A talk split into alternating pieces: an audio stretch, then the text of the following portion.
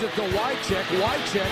That looked like a forward pass. Madden is on the field. He wants to know if it's real. They said yes. Get your big butt out of here. Hello? You play to win the game. Hej hej och välkomna till ännu ett avsnitt av veckans NFL med Mattias Olsson och Lasse Thorman spelar in på en tisdag den här veckan. Förra gången var vi ju sena på en fredag och nu är vi lite tidigare än vad vi brukar Lasse.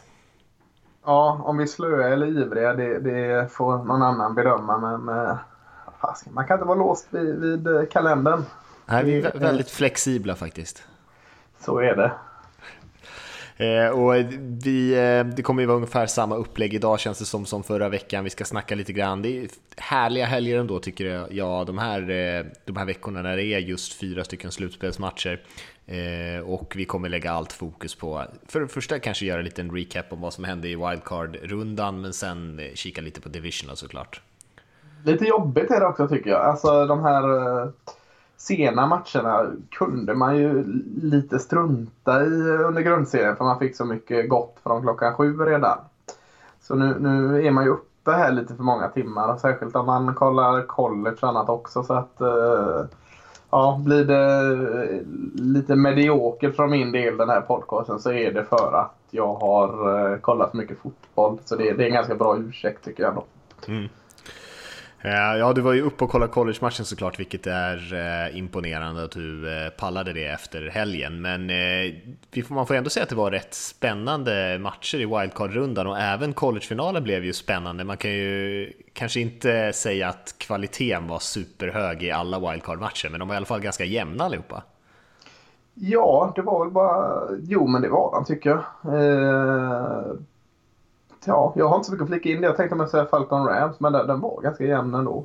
Ja, jag tycker ändå att Rams ja. hade ändå chansen där på slutet. Eh, så... Mm. Mm. Nej, nej, men det, det, var, det var en eh, bra, eh, bra runda så sett. Men som du säger, kvaliteten på vissa lämnar eh, en hel del att önska. Det. Vi ska ta lite snabba nyheter innan vi hoppar in i matcherna. Och vi pratade ju om Robin Jutvreten från Arlanda Jets förra eh, veckan och nu har han accepterat ett stipendium från Rutgers där eh, vi också har Samuel Wretman. Eh, så det är två svenskar på Rutgers då och eh, sen har vi också två svenskar på Temple, Oskar Andersson och Isaac Moore tror jag att det är. Och de här lagen möts ju faktiskt inom flera gånger de närmaste åren här så det skulle ju faktiskt kunna vara så att vi i, i en inte för en framtid inte för långt bort kommer ha fyra svenskar på plan samtidigt eller i alla fall under samma match i en division 1-match i college. Det är ju rätt häftigt. Ja, det är mäktigt. Jäkligt mäktigt faktiskt. Eh, tänker det på att just eh, två har gått till Rutgers. Det är lite intressant eh, med just det laget, eller den skolan där. New Jersey är ju en eh, plantskola av rang när det kommer till duktiga high school-spelare. Så, så det är lite synd att inte Rutgers kan ta upp alla de här, eh, liksom, de flyr ofta till Alabama, LSU, Ohio State, alltså de här stora. Eh, det, det hade på något sätt varit ännu grymmare om eh, de tillsammans med alla lokala i New Jersey, eh, våra två nya svenskar, hade kunnat dominera. För då hade Rutgers kunnat vara räkna med ordentligt. Mm. Men eh, de var ju bra för några år sedan när de hade ja. Shiano där va, som sen hamnade i Tampa Bay. Ja, men det var väl 10-ish år sedan. Så mm. Fler än några år sedan. Men eh, ja, det är ju skitstort. Fyra svenskar eh, på plan samtidigt. Det, ja, det är mäktigt. Ja, det är mäktigt. Eh, så grattis till Robin där att han hittade en skola som han kände sig bekväm med att hoppa på med. Och eh, vi eh, blev också klart här med John Gruden som vi pratade om förra veckan som ny huvudtränare för Oakland Raiders. Fick ju ett jättekontrakt, ett tioårskontrakt värt över 100 miljoner och det är ju presskonferens ikväll här för att liksom presentera honom på riktigt. Men han gjorde ju fortfarande matchen där, en wildcard-match innan han hoppade på det här jobbet ja, känns konstigt tyckte jag lite att, lyssna på honom där när man mer eller mindre mellan raderna fattade och visste att han var klar. Liksom. Han, han sitter och berömmer Chiefs det, det och det och så vet man att han ska eh, vara deras rival bara om några dagar. Så ja, det känns lite konstigt. Eh. Det var ju lite snack innan där om, om eh, hur ska det gå till i det här mötet, produktionsmötet, när de liksom ska berätta om vad de tänker och så här. Vi har hört att, eh, eh, vad heter den? Bob Sutton heter han, den defensiva koordinatorn i Kansas City, hade liksom som en rolig grej klivit in på det mötet med, med Gruden och resten av ESPN där och bara slängt ner hela permen med alla deras defensiva playcalls på, eh, på bordet och sa här har du John, liksom knock yourself out typ. För att han tyckte inte att det var så stor grej uppenbarligen att, att han skulle få den insynen eh, eftersom han inte ens coachar den här säsongen. Så det kanske var lite överdrivet hur allvarligt coacherna tog på det där i alla fall. Ja, det var en rolig grej. Ja.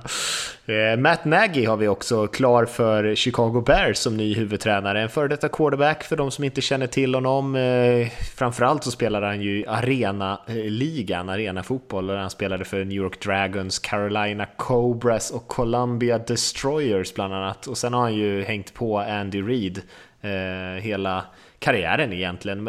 En liten intressant notis är att Nagy är den tionde coachen som går från att vara assisterande under Andy Reid till att bli head coach i NFL.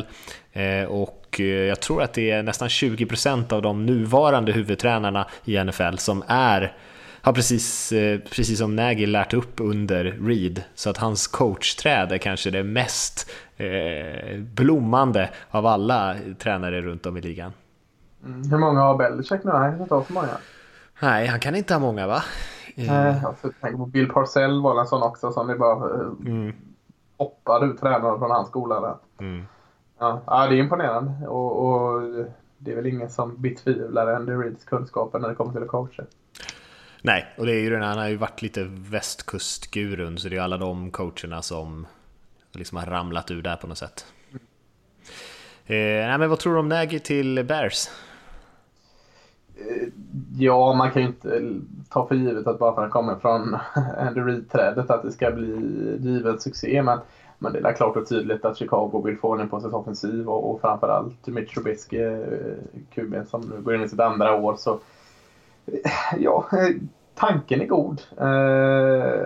Jag tycker det är svårt att bedöma en koordinator, vad han ska göra som huvudtränare när man egentligen inte har någon aning. Det är som stor skillnad eh, och det har jag varit inne på. Så att, eh, jag köper det och jag, jag tycker att eh, helt rätt tänkt. Sen om det kommer bli flipp eller flopp, det, det, det skulle bara vara en chansning som jag säger, så, så det säger jag inte.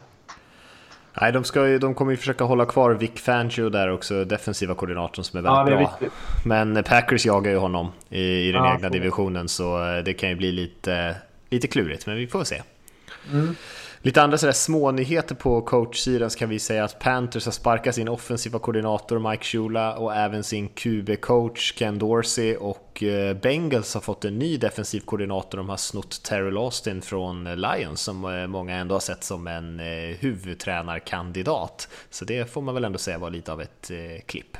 Ja, och samma där lite med Mike Shula i Carolinas offensiva koordinator, hur snabbt det kan gå. Alltså, Eh, Eh, nu kanske inte Carolinas offensiv har varit den mäktigaste i år, men, men tidigare år och framförallt i året, var det två år sedan de var i Super Bowl där, så var det ju jäkligt många som ville se Mike Shula som ny fräck huvudtränare på många ställen. Så, så det, vände, det vände helt klart snabbt. Mm. Ja, verkligen. Och eh, frågan är om han kunde göra så mycket i år. Det är klart att eh, man kan alltid peta sådär, men eh, deras offensiva linje har ju inte spelat sådär jättebra. Jag vet inte om han verkligen hade så mycket receivers att jobba med heller. Och, ja, ja. Vet... ju bort deras bästa receivers mitt i allting, trots ja. att de har utspel. Så ja, nej. Ja, visst, men vi kan ju hoppa in på eh, wildcard-matchen då Lasse, säga kanske några ord om varje. Och eh, det är väl eh, lika bra att vi gör som förra veckan, att vi tar det lite grann i, i ordningen som de spelade. Så det började ju med, med Chiefs och Titans, där Chiefs liksom tog en stor ledning och spelade väldigt bra i första halvlek och sen så fick man bland annat en skada på Travis Kelce och Titans började äta sig in i matchen och, och eh, tog över och, och vann i slutändan och Chiefs gjorde ju faktiskt inte ett enda poäng i andra halvlek.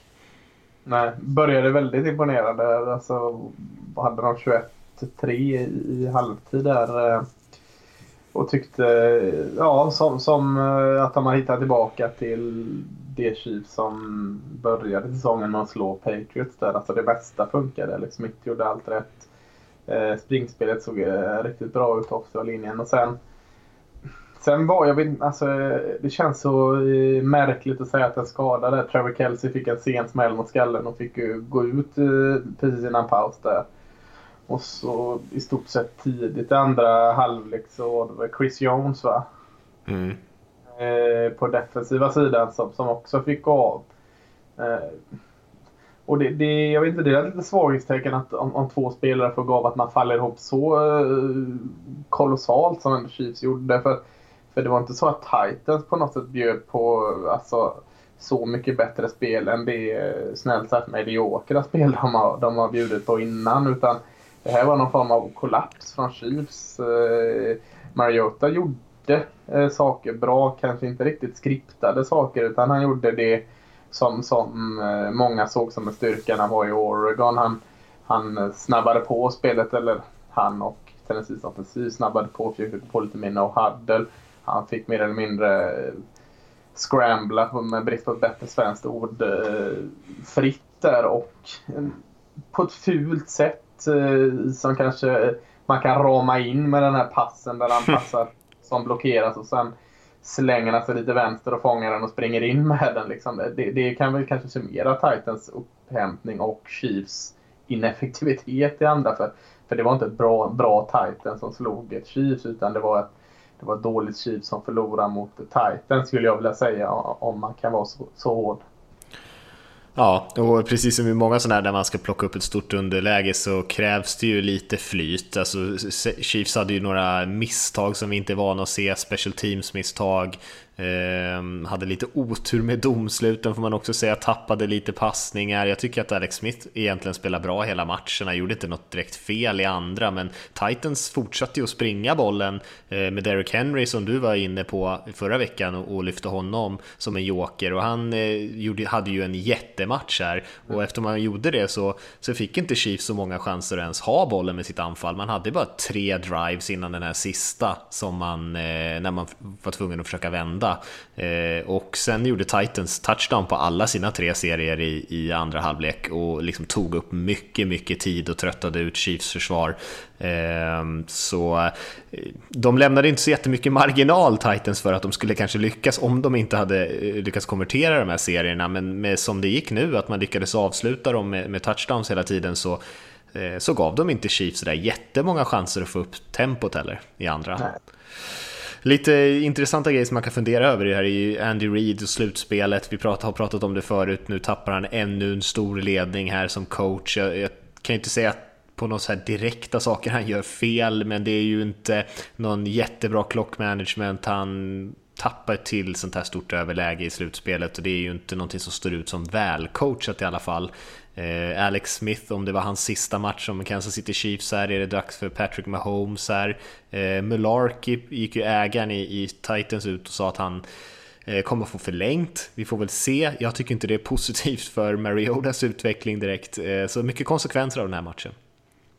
Absolut. Eh, och jag tycker det har varit på något sätt eh, tråkigt om Alex Smith som ändå ständigt blir ifrågasatt även av mig eh, Eh, skulle sluta här nu. För han har ju haft en så fantastiskt bra säsong när man summerade eh, alltså en topp 5 QB i ligan om man bara kollar på i år hävdar jag att han är. Eh, möjligt att han kanske eh, försvinner från Chiefs och, och, och, finner lycka någon annanstans. Men jag tycker absolut han har eh, mer att ge och hör hemma i, som en starting QB i NFL i alla fall ett par år till. Jag håller med, jag tror de kommer försöka trada honom. Eh, ja. Det finns så mycket lag där ute som behöver en QB så det lär de lyckas med också. Mm. Men jag tror de kommer få mindre betalt än vad folk verkar tro. Eh, ja, det, det, det, är nog inte mycket, det är nog inte några höga draftval man får för Alex Smith vid det här ja. eh, där han ler i sin karriär just nu. Om vi hoppar till den andra lördagsmatchen där, Lasse, Los Angeles Rams som spelar hemma mot Falcons. Eh, kanske den mest förvånande, i de andra matcherna så vann ju äh, Chiefs-matchen såklart också.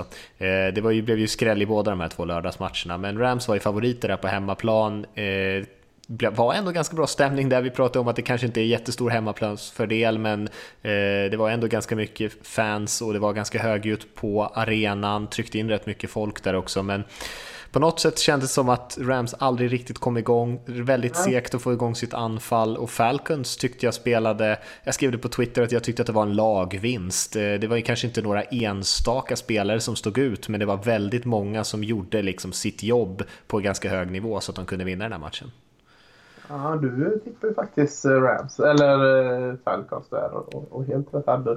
Jag tycker också det var så, det var, Rams var aldrig ute ur matchen men de var heller aldrig inne i matchen om man kan säga det så. Alltså, det kändes hela tiden som de var ett steg efter, att de hela tiden hade liksom eh, chansen att liksom komma in i det men, men de, de, de, eh, de de, de, de, gjorde inte det. Och det beror på att Falcons har mer slutspelsrutin och, och Rams har noll slutspelsrutin. Det låter jag osagt där. Men jag skulle vilja lyfta upp en som har blivit kritiserad väldigt mycket under hela året. Steve Sarkisian, offensiva koordinatorn i Falcons. Som är lätt att kritisera och har tidigare varit lätt för att det var lite tveksamt. Han ändrade om lite i sin, eh, sitt offensiva tänk. Där de, de sprang bollen betydligt mer. Alltså de lutade sig mot, mot springspelet eh, betydligt mer än de har gjort innan. Och eh, eh, det öppnade upp på ett helt annat sätt för Matt Ryan eh, och, och, och, när de väl passade bollen. Så att kunna eh, ändra på, på det så, eh, så snabbt och så enkelt och få resultat. Det, det tycker jag är imponerande. Så att jag, jag är lite Steve Sarkisian, en halv matchboll i varje fall. Mm. Jag håller med dig. Och jag, och jag, tycker också vi såg det här lite mer balanserade Falcon som vi pratade om. Kanske inte riktigt lika bra anfall som förra, eller det är inte riktigt lika bra som förra året och det är ju nästan omöjligt att upprepa en sån säsong. Men däremot är försvaret bättre så att man är lite mer balanserad än vad man var förra säsongen. Jag tycker försvaret spelade väldigt bra i den här matchen, inte minst deras corners med Alford och Trufant och och, och de spelarna. Eh, mm. Offensiva linjen spelar väldigt bra också tycker jag. Alex Mack, centern där, imponerade ju verkligen tycker jag. Eh, Julio Jones hade inte några så här jättesiffror, men han hade nio targets och fångade alla nio passningar, eh, en touchdown, nästan 100 yards. Bara väldigt stabil vinst. Matt Bryant, kicken där i Falcons tycker jag man kan lyfta upp, eh, som är lastgammal men liksom fortfarande så stabil så att det är nästan otroligt.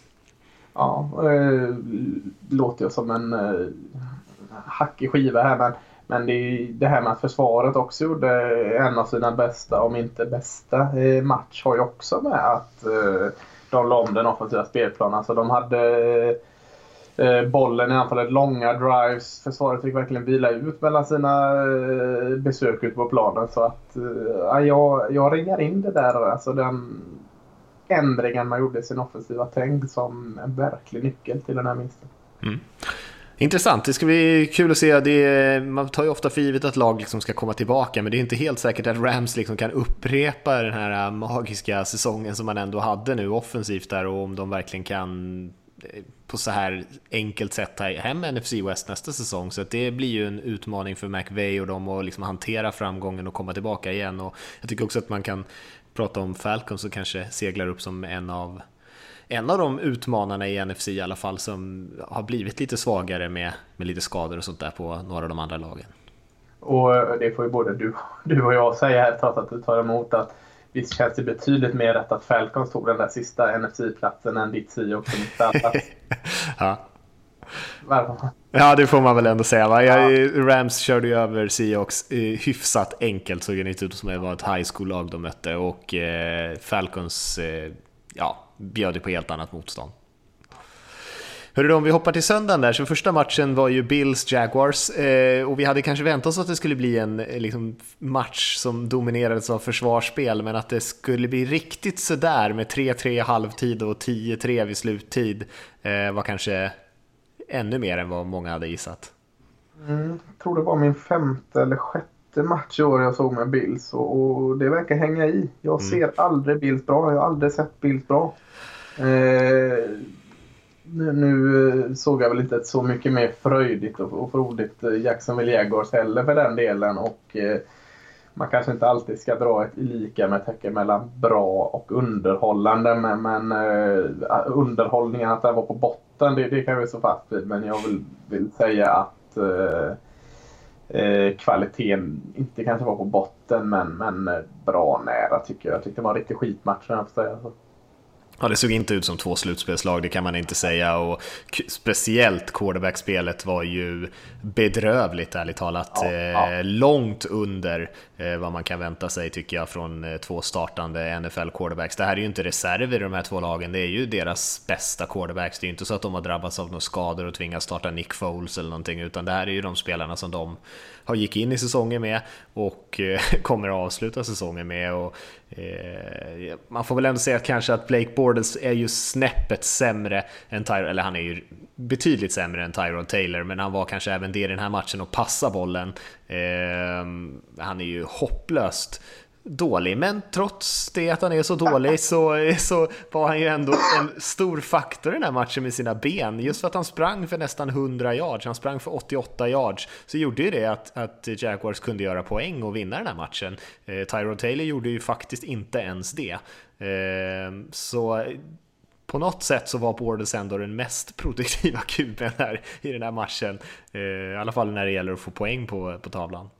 Ja, det var, det var såg nästan ett Duvika av, av Blake Borders Jag tycker han har haft en, en, en bra säsong. Eh... Före var Blake Borders, men då är det ju också väldigt ja, mycket screenpassningar och sådär. Alltså, ja, det är ju inte så att de ber han göra jättemycket komplicerade saker.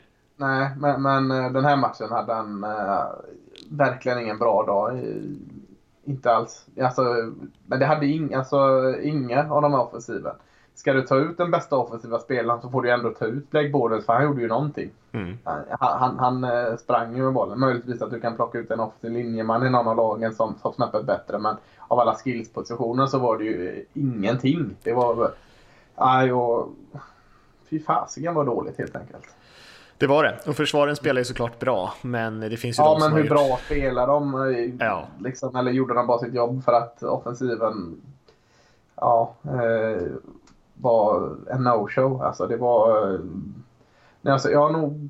Åh, man har kort minne men, men uh, tills jag kommer på något har jag nog inte sett två så dåliga offensiv på plan samtidigt som jag gjorde den här matchen. Nej, Nej, eh, nej det, var, eh, det var lite jobbigt att titta på, det kan jag hålla med om. Jag, och jag var väldigt tuff där mot Blake Border, så han är verkligen så dålig. Men eh, det betyder inte att jag inte håller på honom lite grann. Eh, jag tycker ändå att han, är ju, han gör ju sitt bästa och de har ju satt honom i den här situationen och, eh, och han får mycket skit. Men eh, ja, fan, han kämpar på, han tar de där smällarna, han sliter och springer fram de där yardsen. Han kan helt enkelt inte sätta de där passningarna så mycket bättre och ja, han gör vad han kan. Eh, Och det här Jaguars-försvaret eh, är ju så pass bra att man kan vinna de här matcherna. Sen om de kan gå så jäkla, jäkla mycket längre än så här, det är jag väldigt tveksam till. Nej, jag, jag skriver under på det. Ja, hörru, vi hoppas till sista matchen så kanske faktiskt var den bästa matchen bästa. får man ändå säga.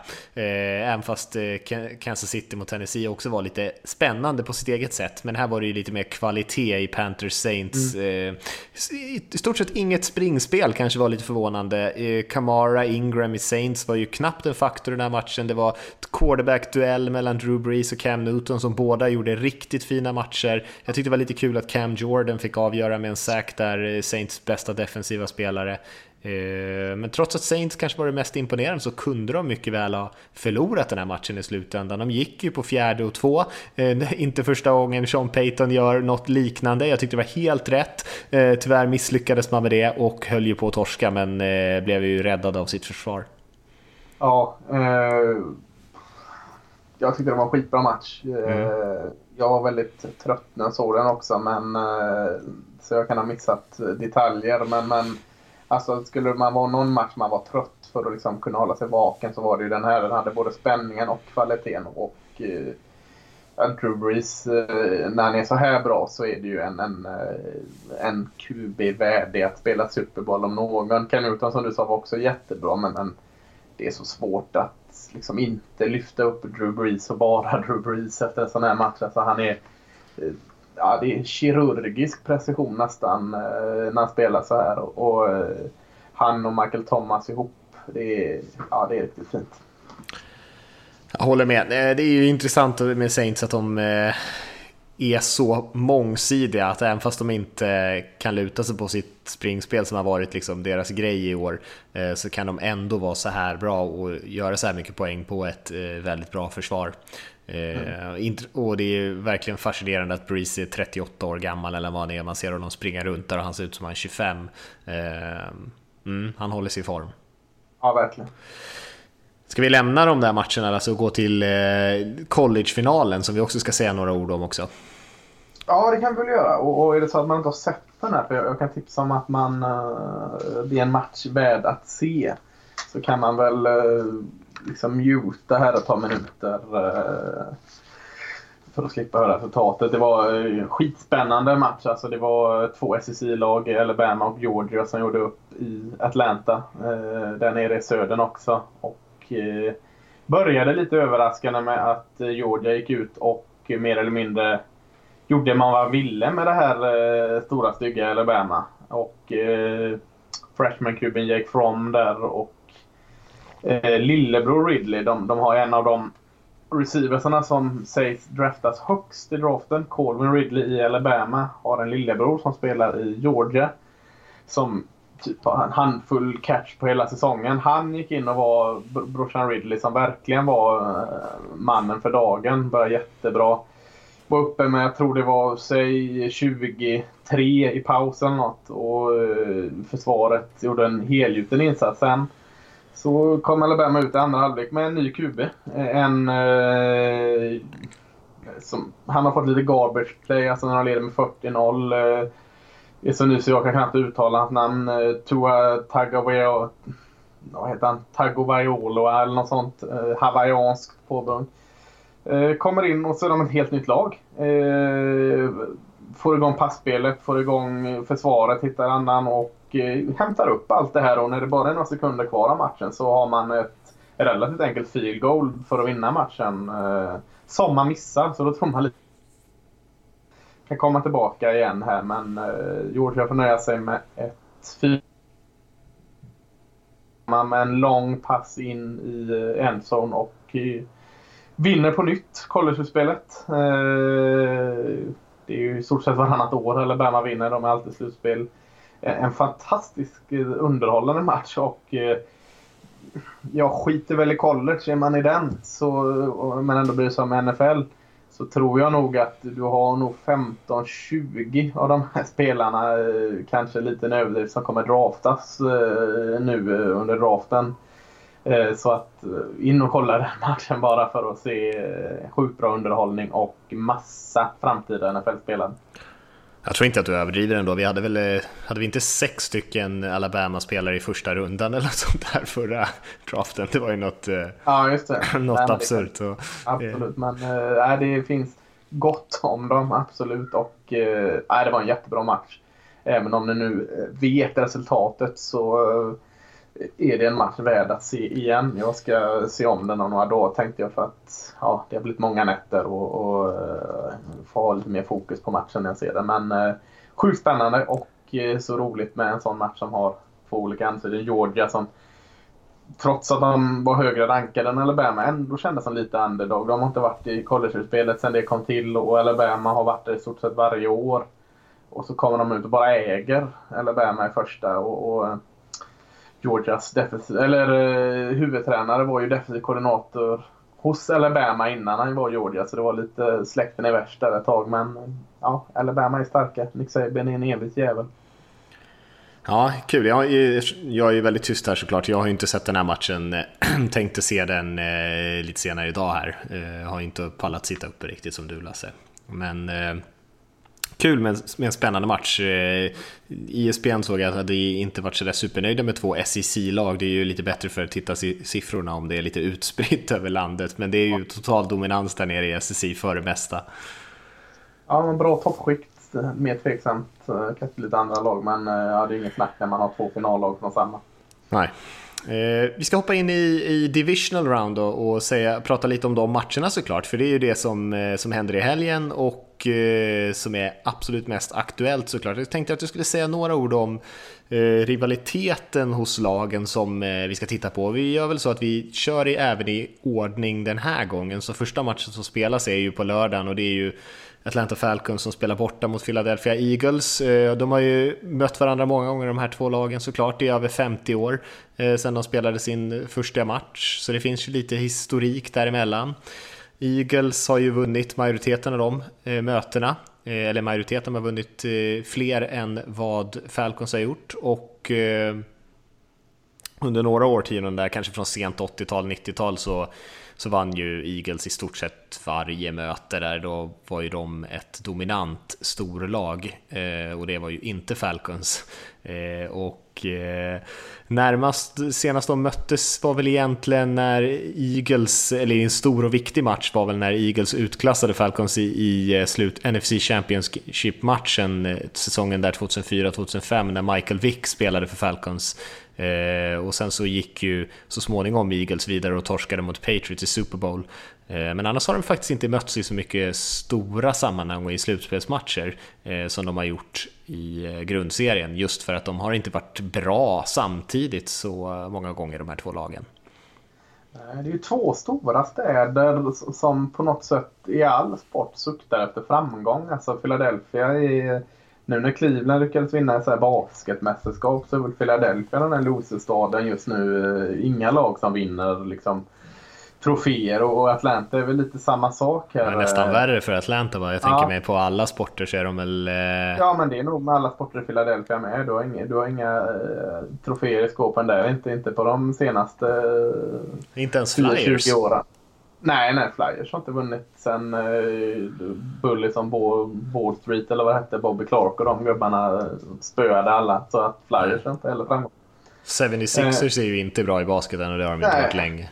Absolut inte. Och, och eh, Phillies i basebollen där har inte vunnit något heller vad, vad jag vet inom den närmaste tiden här, eller senaste tiden. Och, och samma med Hawks i basketen i Atlanta. och Braves i basebollen. Eh, så det är två stora städer som, som eh, behöver liksom en, en titel helt enkelt. Och så ur det aspektet är det också en rolig match.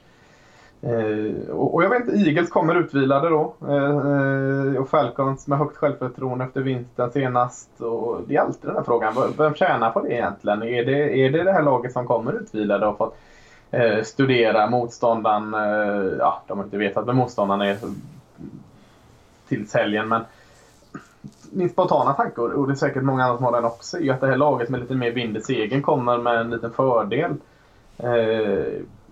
Och, eh, det är alltså Philadelphia som, som vann NFC, gjorde man va? Eh, ja, de eller Vikings. Frågan är vilka som var nummer ett. Ja, eh, är ändå underdogs och, och det kan man inte ifrågasätta. För, för utan Went så, har det ju inte funkat. Första matchen när de spelade där mot Giants tror jag så var det väl försvaret som rasade ihop men, men offensiven som var minst lika bra. Då tänkte man vad fasken är det här? Är de, är de så bra? Men sen så har ju de bara tappat både mot Oakland och Dallas där fick knappt poäng på tavlan. Så ja, eh, Atlanta med eh, som vi var inne på kanske eh, en av säsongens bästa matcher över hela brädet kommer in här så tycker jag det är jättesvårt liksom, att inte göra annat än att lyfta just Falcon som favorit. Nej, det är intressant. Eagles har ju kanske det bättre laget eh, i år sett till liksom hela truppen. Men sen mm. såklart att med Carson Wentz skada och Nick Foles som är vid rodret istället så blir man ju lite osäker. Han har ju hoppat in eller eh, startat sex matcher, famlat i alla till exempel och eh, kastat några interceptions. Så han har inte spelat jättedåligt, men det mesta som han gjorde bra gjorde han ju just i den här Giants-matchen som du lyfte. Annars har han ju sett ganska skakig ut eh, och det gjorde han ju inte minst när han startade för andra lag de senaste åren här heller. Eh, så att jag håller nog också Falcons som favoriter i den här matchen. Jag tror att de kommer vinna den, eh, men det är klart att Eagles försvar, kanske framförallt den här defensiva linjen, kommer säkert göra livet lite surt för Matt Ryan. Eh, jag skulle inte bli sådär jätteförvånad om det inte blir eller om det blir en ganska seg start på den här matchen. Men det sånt där är ju alltid lite slumpartat. Men jag tror att de här försvaren kommer in här taggade. Jag tror att Atlantas försvar insett att de kan stänga ner lag. Jag tror att de har all potential i världen att stänga ner Eagles ganska hyfsat. Ehm, och eh, samma sak eh, för Eagles defensiv mot, mot det här Falcons-anfallet som ändå inte har klickat sådär jättebra. De gjorde, som du sa, en av sina bästa matcher kanske här senaste veckan mot Rams. Eh, men Rams var också en bättre lag än Eagles. Ehm, men det kommer ju vara en lite tuffare miljö att åka och spela borta i Philadelphia än vad det är där i solen i Los Angeles då. Ehm, så det ska bli kul. Jag tror att det blir jämnt, men jag tror att Falcons vinner. Ja, jag är också så här, nu, nu eh, är ju självklart Philadelphia inte dumma, dummare än att de har sett vad, vad Falcons gjorde med mer spring och mer med bollposition än vad man har haft tidigare. Men, men jag tycker att man ska fortsätta med den linjen man gjorde även här. Eh, försöka eh, eh spara lite på Matt Ryans eh, passningar. Eh, och jag tror och hoppas annars är det väldigt konstigt att Eagles bör ha kunnat sätta upp en lite bättre plan här nu som är lite mer anpassad för Foles än, än den här Vents-planen. För att eh, Foles kommer ju få tid i fickan. Eh, Eagles offensiva linje är ju kanonbra så att han kommer få tiden men han har inte den där förmågan som Wentz har att liksom skapa för ytterligare tid när han mer eller mindre trasslas ut från eh, omöjliga situationer. Så att, eh, jag hoppas att Eagles kommer med en, en eh, Nick Foles-plan och inte någon form av eh, Carson Wentz-plan för den här matchen. Och det tror jag väl också de gör, för, för eh, då har de en helt annan chans. Ja, jag skulle tro att de satsar krutet på att stänga ner springspelet och tvinga Nick Foles att slå dem genom luften på något sätt. Mm, men man kan lägga in alltså enkla checkdowns och sånt till honom som kanske inte Wentz behövde. Så, mm. Sådana enkla saker i själva passspelet alltså, gör, gör det mer Nick Foles-anpassat eller enklare då än vad Carson Wentz kanske behövde. Mm. Nej, kul. Det känns som en rolig match faktiskt. Alla eh, matcher den här veckan kanske inte känns riktigt lika spännande. Om vi hoppas det, hoppar till en som eh, kanske känns lite sådär tungt favoriserad åt ena hållet är ju Titans som spelar bortaplan mot Patriots såklart. De har inte så mycket till rivalitet mellan de här två egentligen. Patriots har ju vunnit de flesta matcherna, eh, särskilt de senaste åren vunnit de sex senaste matcherna. Eh, tight vinst i slutspelet mot eh, Titans 2003-2004 när, när Patriots vann Super Bowl. Jag tror de vann den matchen med 17-16 eh, och liksom kickade igång sin dynasti där på något sätt. Var det Vince Young då? Var på den tiden redan? Ja, jag tror att det var, vad hette han, eh, Mac någonting? Ja, han... Eh... McNair va? McNair, just det. Ja, som var QB för Titans. Frågan om det var Jeff Fisher då? Kan det varit det? Som var head coach?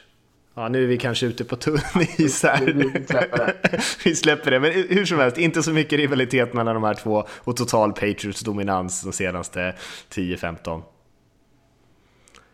Mm, jag, jag tror så här, Tennessee kan mycket väl prestera offensivt vad de gjorde mot uh, Chiefs senast. Uh, Alltså de går till ett mediokert, eller från ett mediokert försvar till ett annat. Eh, jag tycker ofta man ser ner lite för mycket på New Englands försvar men det är ju absolut inte deras styrka. Så jag tror nog rent offensivt så kan de eh, med det här kniven mot strupet-spelet prestera ungefär eh, i samma kaliber som man gjorde mot Chiefs. Men, men det, det, även om de gör det så, så kommer inte det räcka på långa vägar. Alltså du, du måste Eh, Eh, det, på försvarssidan du måste kunna göra något åt New Englands offensiv för den är... Eh, jag, jag, kan inte riktigt se hur Tennessees försvar som hade sådana problem eh, i tidigt stadium mot Chiefs offensiv mäta sig på något sätt mot New England. Alltså jag, jag kan inte se det.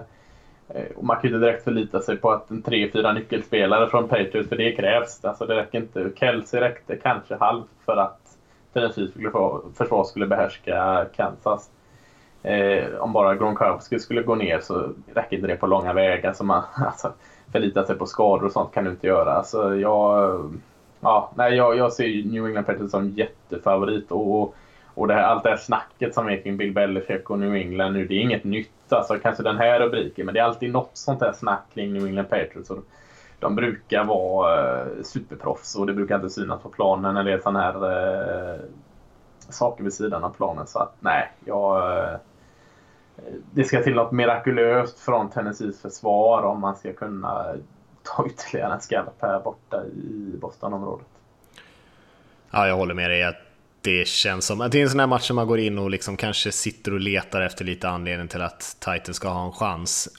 och det finns ju inte så många, tycker jag.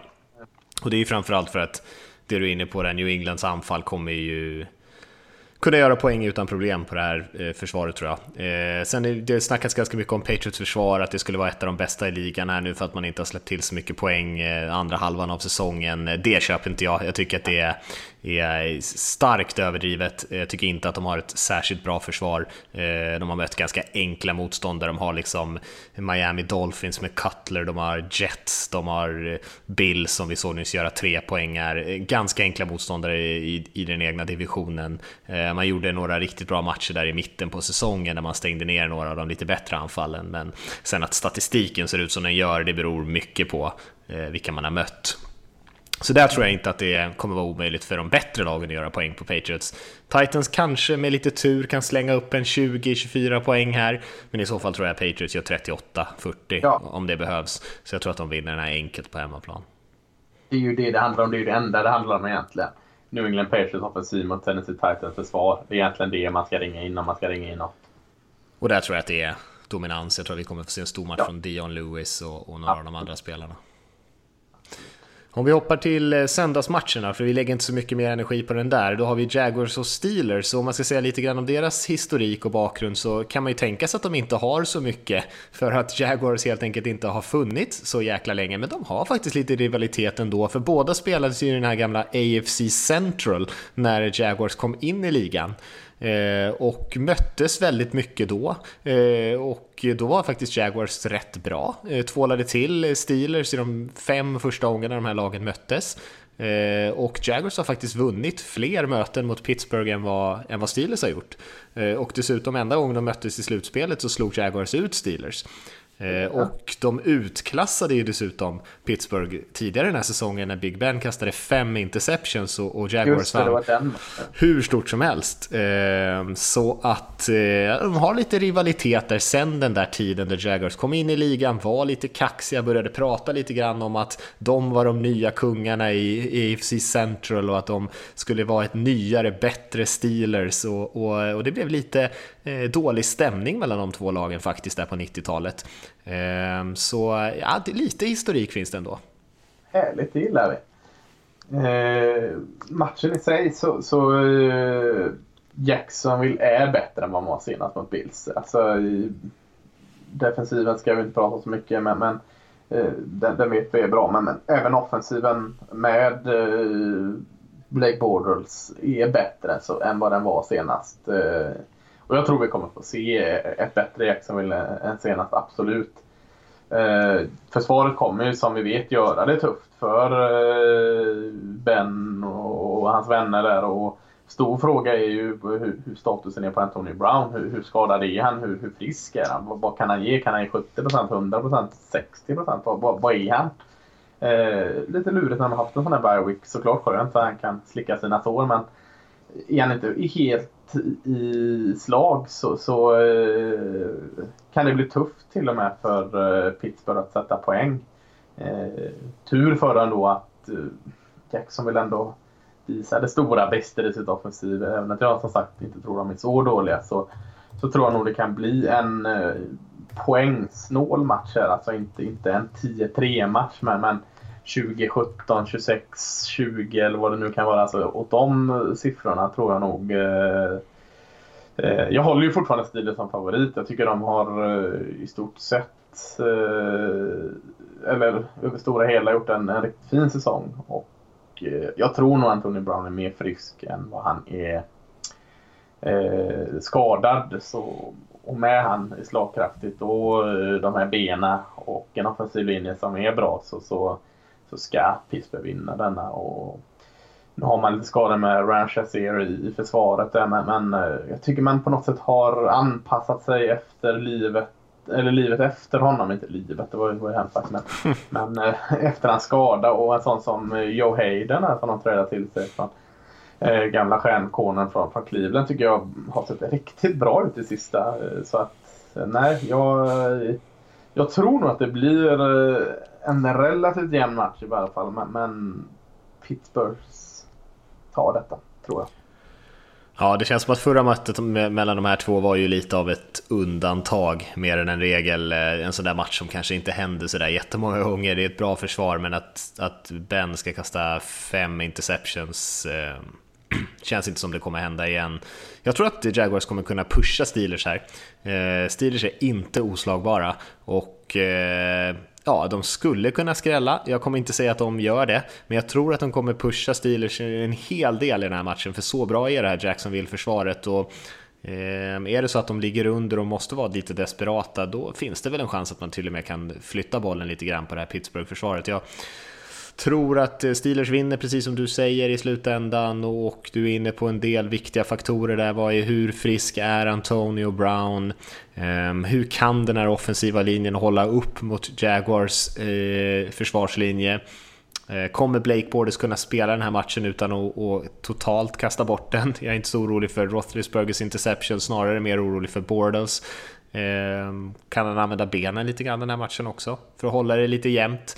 jag, tror, jag håller helt med i din analys om att det kanske blir någonstans vid 20-strecket i, i poäng på de här två lagen. Att Steelers kanske vinner med någonstans mellan 3 och 10-11 poäng, ehm, så inte någon utklassning alls. Ehm, och jag tror att det kommer vara, kunna vara jämnt ganska långt in i den här matchen.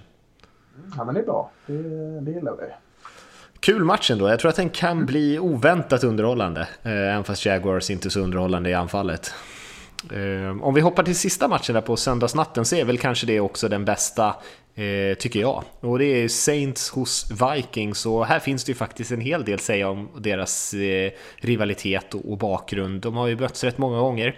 Eh, Vikings har ju klar, varit det klart bättre laget. Eh, Saints grundades ju vid 1967 och på 70-talet där när Saints skulle liksom komma in i ligan och, och, börja etablera sig, då var ju Vikings jättebra med sina Purple People Eaters och eh, gick ju till fyra Super Bowls där på 70-talet. Eh, och eh, Saints hade ju egentligen inte sin första säsong med fler vinster än förluster förrän 20 år efter de grundades. Så de hade ju en väldigt, väldigt tuff tid och har ju egentligen haft en väldigt tuff tid hela vägen fram till att Sean Payton och Drew Brees kom in i laget. Eh, och sen möttes de i de här två lagen i kanske en av de mest dramatiska och mest betydelsefulla matcherna som vi har sett på många årtionden. Och jag vet inte om du minns så mycket av den Lasse, men det är den här NFC Championship-matchen från i januari 2010. Och den hade ju... Ja, den fick ju massor av konsekvenser. För det första så var det en jättebra match. Vikings där med Adrian Peterson och Brett Favre som hade gått över till Vikings då. Eh, spelade ju jättebra och egentligen dominerade matchen, men med Breeze och, och Saints försvar framförallt hängde med, så det blev övertid. Eh, Saints fick bollen där, Sean Payton igen valde att spela på fjärde down eh, för, på övertid. Och, eh, och det liksom gick hem den chansningen och man vann med ett field goal där och sen gick ju faktiskt Saints vidare och vann sin första Super Bowl ganska tätt efter Katrina där. Eh, Hurricane Katrina i New Orleans, det blev en stor grej för den stan. Eh, det var Brett Favres sista match, han spelade aldrig igen. Eh, och efter det här så kom ju hela Bountygate-skandalen och det är ju egentligen helt baserat på att eh, anklagelser att spelare i Saints försökte medvetet skada Favre, vilket ledde till avstängningar av Sean Payton, andra tränare, spelares karriärer som tog slut eh, och massor av saker. Och det var senast de här två lagen möttes i slutspelet. Eh, så jättemycket konsekvenser fick det, det mötet. Ja, det stämmer. Jag har inte tänkt på det så faktiskt innan. Eh, jag kom ihåg att det var en sjuhelsikes match. Och, ja, det var det Jäklar vilken våg eh, Saints red på eh, det året när det började gå bra för honom. Där de spel, kunde inte spela hemma i eh, Superdome där efter Katrina och allt detta. Alltså, eh, ja, det, den är svår att inte komma ihåg hela den historien kring Saints det året. Alltså, det var jäkligt fräckt. Ja, verkligen. Och Sean Payton som byggde sin legendstatus där lite grann, både med mm. den här fjärde down och sen också att de sparkade en onside kick till att inleda andra halvlek mot Colts i Super Bowl, så de plockade upp eh, och tog, kom in i matchen igen och i slutändan vann den mot Peyton Manning och gänget. Eh, så eh, Sean Payton, det som han gjorde här på fjärde down den här veckan, här i förra helgen, det var ju inte första gången. Kanske därför jag har min, eh, så svårt att släppa min kärlek till Sean Payton. mm. Ja. Han är inte rädd för att eh, förlora. Nej, eh, kul. Eh, matchen här då. Vi får se vilka konsekvenser den får. Stor chans att något av de här lagen spelar Super Bowl i alla fall tror jag. Båda lagen har ju fantastiskt fin form. De har bra större delen av säsongen men båda avslutar säsongen med fin och, och riktigt god form. Och man har väl nått det man är på lite olika sätt. Minnesota fortsätter visserligen att överraska med ett bra offensiv lett av Case Keenum. Jag sitter fortfarande och väntar på eh, att eh, det kan inte vara så här. Case Keenum kan inte vara så här och eh, jag tror det är många också som gör det. Liksom, att han, han rider på någon jäkla lyckovåg här nu. Att han är uppe i någon svävar bland molnen. Men, men han har en, en väldigt bra underskattad offensiv linje med många unga bra namn som har gått in och bidragit direkt. Eh, han bilen, receiven i sin livsform. Springspelet saknar väl eh, ett par dimensioner men Göran bidrar ändå med sitt. Så, men, men det är ju inget snack om att det, det är försvaret som är, som är grejen när man pratar med Minnesota Vikings eh, skulle väl säga att man har så nära komplett försvar man kan ha. Eh, man har de här stjärnspelarna. Jag, är, jag vet inte om jag kanske har eh, underskattat honom eller inte riktigt brytt mig om honom riktigt så mycket. Men en sån som Harrison Smith är så fantastiskt bra mm. safety. Där verkligen en stjärna. Eh, man har ledare, eh, ledare och så har man framförallt de här rollspelarna som vet precis sin uppgift. Kanske bara gå in på tredje down och kanske bara ska göra den man har den kombinationen och, och ja, det är där, det är där, där eh, Vikings vinner matcherna. Eh, Saints har ju visserligen också ett bra försvar men, men om, om Case Keenum är det här som svävar på ett lyckomoln i Vikings så, så kanske just Saints försvar är, är de som svävar på ett lyckomoln hos, hos Saints där man väntar på att när ska det där sopiga försvaret som man har vant sig vid landa och vara sopigt igen. Eh, inte alls samma balans av Vikings försvar trots att de har spelat bra. Istället är det, är det Saints offensiv som är, som är mäktig och, och det vi var inne på lite innan. Nu senast så var det Drew Brees och Thomas Show här i luften men att de just har alternerat. Att vissa matcher är det i luften man vinner och, och andra matcher är det Mark Ingram och, och Elvin Kamara i, i springspelet som, som, gör det tillsammans med en, eh, också där en bra offensiv linje. Så eh, de har nått eh, dit de är på lite olika, eh, lite olika vägar. Eh, och på något sätt är det roligt att de möts här får se vilken som är det vinnande konceptet. Ja, jag tycker den är svårtippad den här. Jag tycker den är riktigt svårtippad. Eh, för att jag hade ju gärna velat tippa Saints. Jag tycker de är så jäkla bra när de eh, spelar sitt balanserade anfall och allting klickar.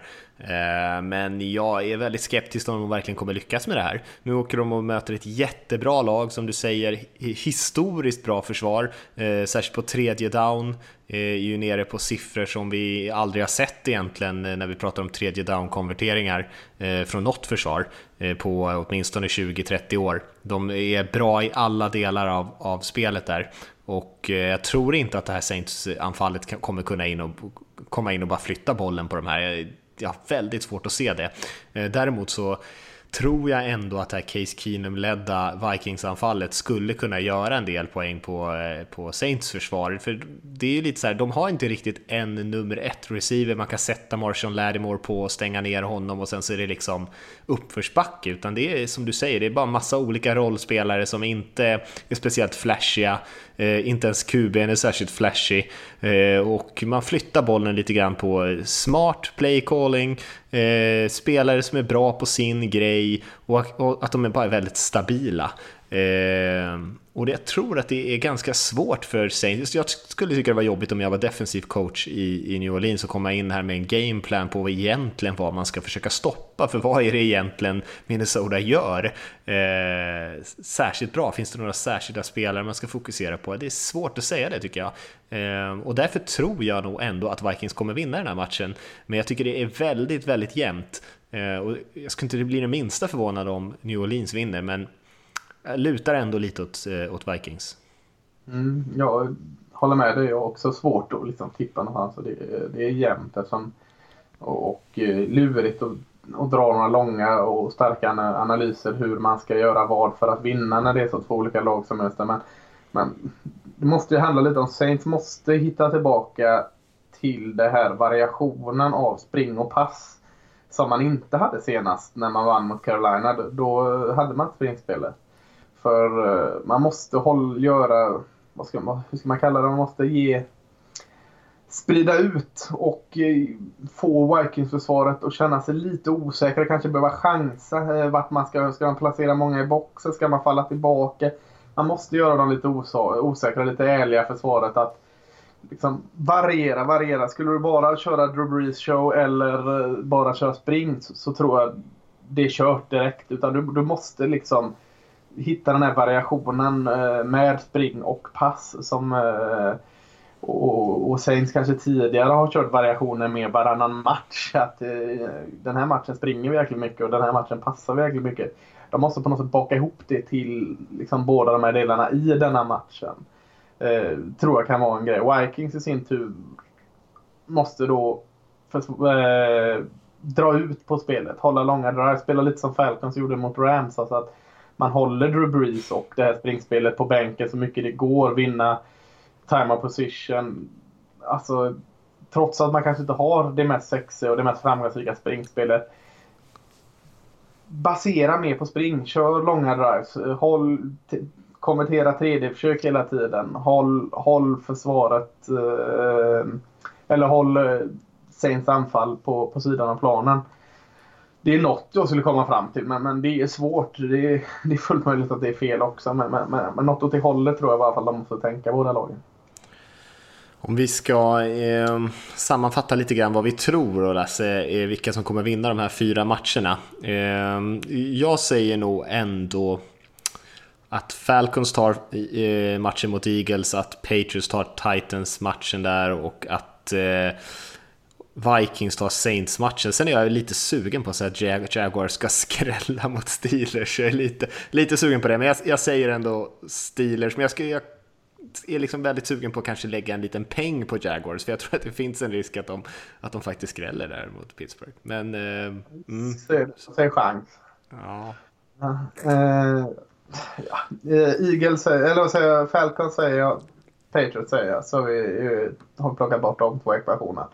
Eh, lördagsmatcherna där. Sen är det, jag, jag är också inne på Jaguars lite tror väl kanske inte att de vinner men om du, om du ger dem en litet handikapp på en, en, en, en touchdown, 7,5 poäng eller vad det är man räknar i det här systemet så, så är jag frestad att säga Jaguars. Men, men, men det, man, man, man går inte in i matchen med handikapp. Så Nej, att, tyvärr inte. Jag, jag, säger ändå att Pittsburgh Steelers vinner den, hur tråkigt det än må vara. Och sen Saints Vikings. Ja, fasiken det är svårt. Jag, jag säger Saints då för, för att uh, mixa upp någonting. Mm. Det är väl mm. ändå Vikings som är favorit i den matchen. Så jag har tippat på någon som inte är favorit i ja. Uh, ja, men det känns som att det kan bli kul matcher ändå. Vi får väl se. Titans Patriots är väl den som på förhand känns som en utklassning. Uh, I övrigt uh, kan bli jämnt.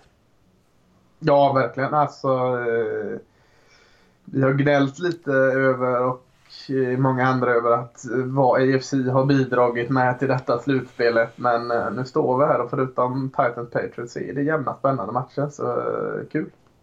Mm, verkligen. Eh, och med det, då kanske vi ska ta och runda av Lasse. Vi har inte så mycket mer att lägga till va? om du inte har någon klokhet som du vill dela med dig av. Ytterst sällan jag har det så att vi, vi, vi stryper ljudet och låter folk återgå till uh, sina egna klokheter. Ja, det, var en, det var en kuggfråga. Där. Ja. ja. ja nej, men uh, med det så har det så uh, bra i helgen allihopa när ni kollar på de här matcherna så hoppas vi för allas vår skull att det blir jämna och roliga matcher. och så hörs vi väl helt enkelt om en vecka då så får vi se om det, om det blev så jämnt och spännande som vi hoppas på.